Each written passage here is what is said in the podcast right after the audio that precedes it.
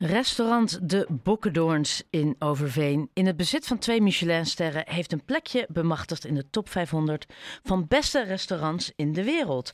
La Liste 2024 heeft in totaal de 1000 beste restaurants in hun lijst opgenomen. De Bokkendoorns van Pascal Beren staat op plek 465. Pascal, goeie avond. Goedenavond, Rut. En bovenal uh, gefeliciteerd. Dankjewel. Is, is, is dit iets wat, um, wat het verschil maakt, iets toevoegt of een, een, een, een nice to have, a nice to know en, en door met kleuren? Nou, een beetje een combinatie natuurlijk van. Het is de afgelopen jaren uh, staan we in de lijst.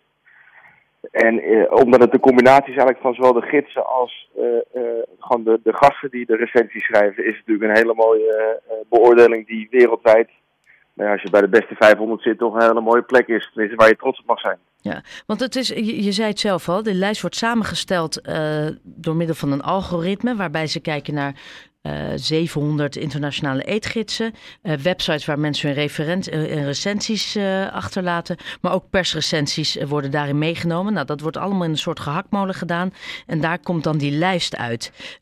ja. Is, is dat iets wat volgens jou een, een goed beeld geeft hoe, hoe, hoe inderdaad daarnaar wordt gekeken naar de restaurants?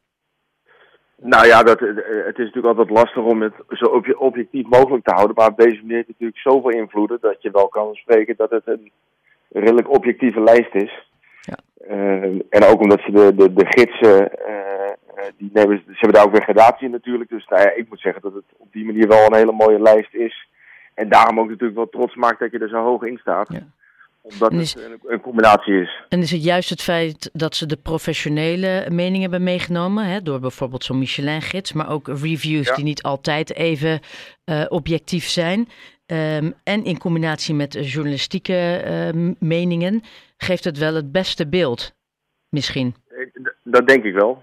Oké, dus ja. in hoeverre is dan het is een lijst van duizend. Dan sta je in de, in de top 500. In totaal staan er maar 21 Nederlandse restaurants in. Um, dan lijkt me dat wel iets moois om uh, te behalen. Zeker, nou, daar zijn we ook ontzettend trots op. En, en dan eh, even en het korte lijstje. De, jullie staan met 92 punten, zijn jullie uh, dus één van die 92 Nederlandse restaurants. De top drie van de Nederlandse restaurants, zal je misschien ook niet verbazen, is dan de Librei in Zwolle, Interscalders in Kruiningen en Tribeca in Hezen. Maar het verschil tussen ja. jullie alle vier is minimaal.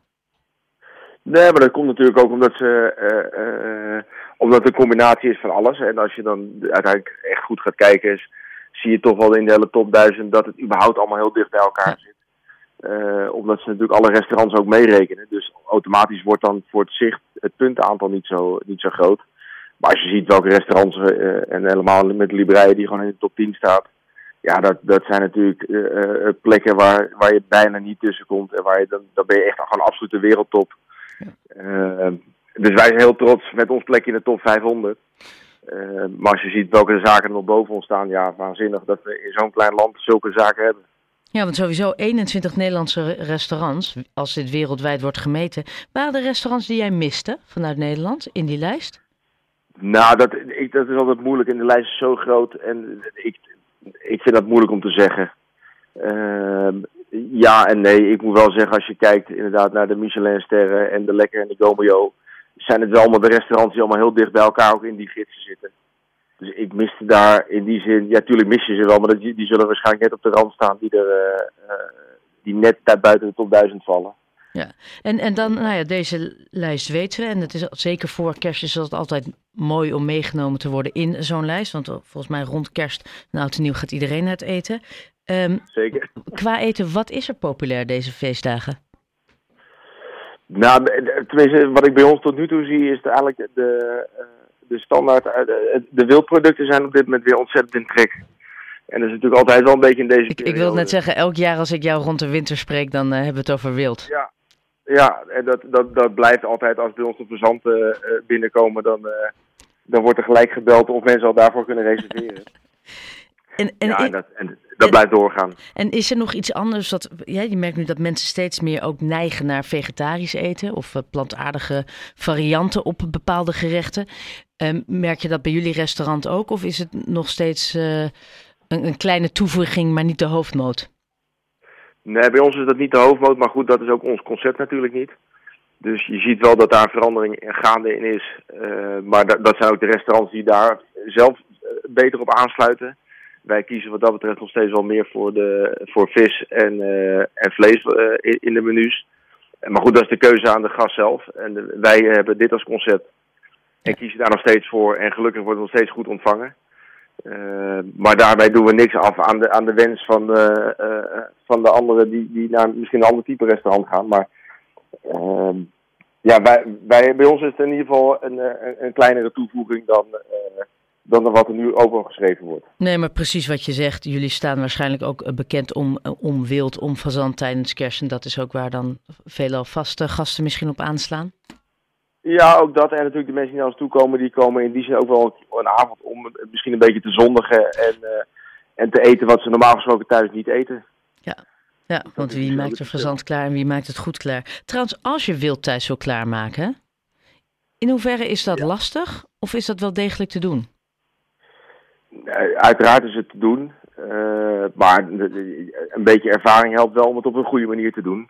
En anders als het uh, de eerste keer zal het wat lastig zijn en zal het heel uh, of nog aan de rauwe kant zijn of heel droog. Maar dat is, het, dat is een kwestie van, van oefenen en doen. En hier en daar misschien een beetje een keer bijvoorbeeld naar ons bellen voor, voor wat advies. maar op, op het moment dat mensen daar wat ervaring in hebben, is dat zeker te doen, absoluut. Ja, en anders moet je het gewoon bij een uh, halfgebraden kippetje houden. Pascal Beren... Nou, of, gewoon bij, of bij ons gewoon komen, langskomen. Ja, maar zit jij niet al helemaal... Volgens mij is boeken mensen uh, dit soort restaurants uh, ruim van tevoren. Het is, gelukkig is het lekker bedrijvig. Alleen door de week zie je natuurlijk dat er altijd wel wat, wat mogelijk is. Maar inderdaad, richting de kerst naar de weekenden toe is het, uh, is het zo goed als vol. vol. Ja, nee, nee dan, dan wordt het toch thuis een half gebraden kippetje. Uh, Pascal ja. Beren van de Bokkendoorns. Uh, nogmaals gefeliciteerd met je 450 plekje in deze lijst. En fijne kerst alvast. Dankjewel Rut. Dank je. En fijne dagen.